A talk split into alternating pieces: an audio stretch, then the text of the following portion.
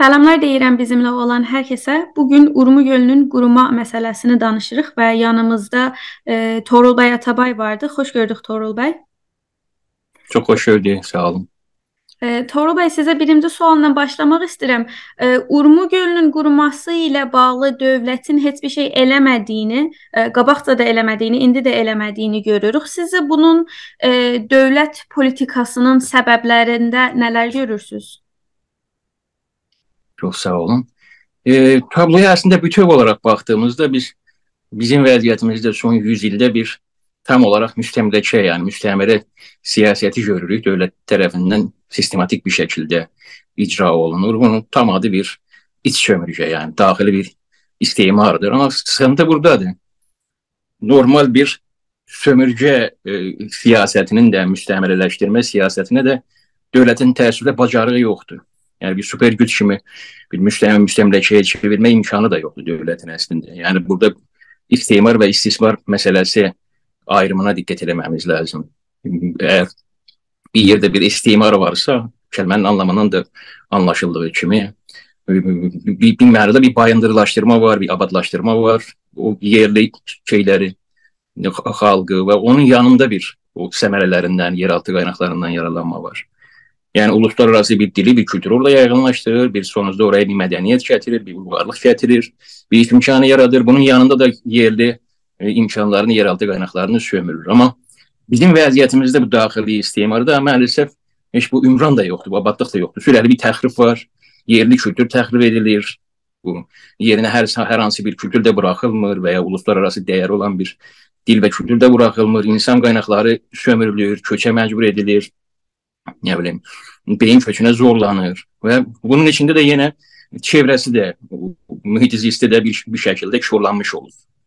Bu insana heç bir refah sağlanmamış olur. Onun nümunəsi elə Urmu gölü kimi süngündür məsələn. Süngünə istismara uğrayan bir bölgədir, amma heç buraya doğru düzgün bir yol çəkilmir. O yerli insana bir istihdam sağlanmır və bunun yanında bir də daha da betəri o oradakı çevrəyə, mühit zistə ciddi zərərlər verilmiş olur.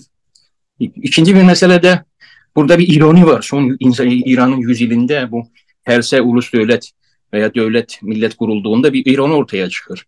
Bu ülkenin sonucu itibariyle düşünen beyni Azerbaycan'dır aslında. Yani dünyaya açılan beynidir, çevre kültürlerle entegredir, bağlıdır bir, bir, bir şekilde ve ülkeye medeniyeti getiren, e, çağdaş e, tefekkürü getiren bir topluluktur. Bu İran Rus devletinin talihsizliği bu olur. Bizi hepsilemek bahasına yani bizdeki o bir fobisi vardı bizim kopmamıza, ayrılmamıza dair, istiqlaliyyətimizə dair. Bunu yaxalamaq üçün bizi həbs eləmə bahasına əslində bütün ölkəni də həbs eləmiş olur. Yəni bizi xaraba buraxmaq bahasına əslində özlərini də bir mənada xaraba buraxır ki, bizi bir şəkildə əlaltı saxlasın və ya madun o furudəst şəkildə saxlaya bilsin deyə bütün ölkəyə əslində bu zərər verir, özlərinə də bir mənada zərər verir və son dövrdə görürük ki, hə, bu məsələdə hər hansı bir etiraza da belə bir gərəkçə gəlir. Hətta İran xalqı tərəfindən də sanki bu pantürkistlər məsələni dilləndirdikləri üçün onların təbiri ilə dırnaq arasında ona görə dövlət münasibət bildirmir, oysa ki tam tərsidir. Əslində bu insanlar türk olduqları üçün, o kimliyə sahib olduqları üçün və də modern e, düşüncəni qavradıqları üçün, ayrılma ehtimalları olduğu üçün dövlət burada ciddi bir təpkisizliyi var, duyasızlığı var, həssasiyyət göstərir məsələyə və Məsələ əslində zaten oradan qaynaqlanır. Türk olduqları bu sömürgənin, istismarın səbəbidir. Nəinki e, e, burada hər hansı bir türkçü axım e, məsələyə həssasiyyət göstərdiyi üçün dövlət təpki göstərmir. Və bir məsələ də əslində dövləti bir kənara buraxaq, oradakı millətdir. Biz eynən e, Abbas Mirzanın yürütdüyü o Qacar-Rus savaşları zamanındakı kimi biz görürük ki, Azərbaycan burada əslində təkdir bu məsələdə, Urmi gölü məsələsində. Bu da nəyi göstərir bizə? Sosiolojik olaraq bunu göstərir. Son 100 ildə bu qədər çabaladılar. Fars mərkəzli, İran mərkəzli bir e, millət dövlət qurulmasına. Bu başarısız olub. Eğer bu başarılı olsaydı, Türklerin dışındaki başka topluluklar da, başka bölgeler de buna eyni həssasiyyəti göstərmək məcburiyyətindəydi. Eğer Türk olduğu için buraya hər hansı bir təpki verilmirsə, demək ki, bu İrandakı millətləşmə, uluslaşma prosesi tamamen başarısız olubdur, buraxın dövlət. Toru bəy, yurt dışında yaşayan insanlar ə, e, Urmu gölü məsələsini necə qaldıra bilər sizə? Buna herhalde herkesin qənaəti var. Dövlət orada hər hansı bir iş görməyəcək bu istimar siyaseti doğrultusunda.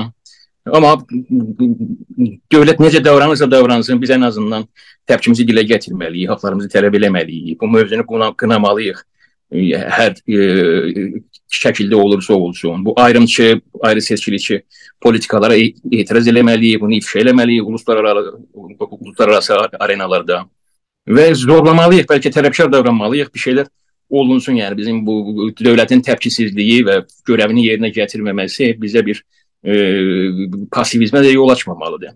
Burada ən böyük təbii ki, görəv yurt dışındaşları düşür. Amma yurt dışındakı ictimaiyyətimiz təəssüflə örgütlü olmadığı üçün sürətli bir özəlliklə bu, bu nimçə təşkilatlar bir bildirim maşinəsinə çevrilir. Sanki içəridəki insan bunların e, eyləmçisidir, sürətli bunları küçələrə dəvət edən bir şey eləməyə çalışırlar. Bu, bu qəyyum zehniyyətidir. Yəni bu elə zaten İranda olan o hakim zihniyyətin sızıntısıdır. Bundan uzaq durmaq lazım. Biz içəridəki xalqın qəyyumu deyilik, içəridəki hər insanı küçəyə, o təhlükəyə çağırmaq üçün heç bir yetki yoxdur. Eşikdə olan insan çox rahatlıqla güvənli bir ortamdadır. Bunlar məsələni əsasında uluslararasılaşdırmaq məcburiyyətindədirlər. Yəni beynəlmiləl bir sorun halına gətirmək üçün çabalamalıdırlar. Bunun üçün də imkanları var. Baxın, çevrə quruluşlarına gedə bilərlər dəyişik ölkələrdə. Bu çevrə quruluşlarını, bu məclislə bağlı fəaliyyət göstərən e, STK-lara, sivil toplum örgütlərinə başvura bilərlər. Onlar həm professioneldir bu qurumlar, həm e, mediaları var, imkanları var, bağlantıları var. Bunlardan istifadə edə bilərik. Özəlliklə biz, bəlkə məsələn Batıda çox diqqətə çəkməsə, bu fəlakətdən etkilənəcək olan Türkiyədəki STK-ların, bu quruluşların diqqətini çəkə bilərik. Bir başda sonunda bu Türkiyəni etkiləyəcəkdir. Bunun üçün yetərli çalışılmayıb əslində. Əsas ağrı burada məncə içəridəkinə deyil. Yəni o eyləmlər heç bir nəticə vermir çünki.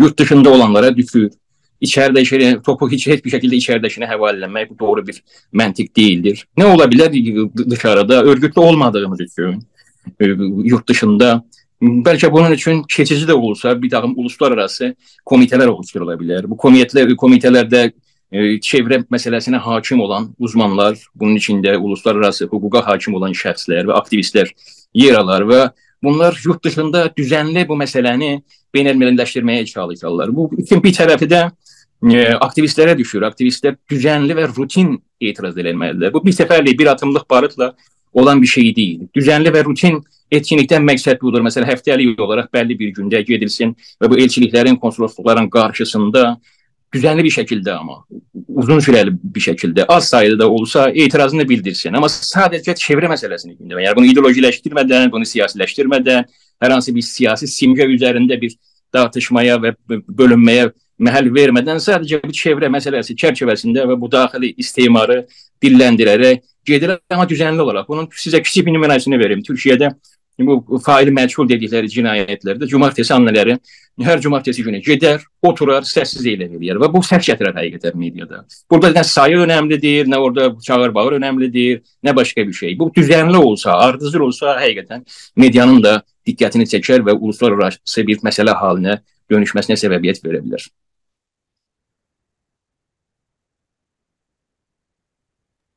E, Toğrul bəy, axır olaraq sizdən bu saya böyük fəlakətlərə çözüm yolları, yəni yurt dışında e, olan insanlar nə eləyə bilərdən danışdıq. Ancaq o çözüm yolları nə, nə cür axtarılmalıdır sizcə?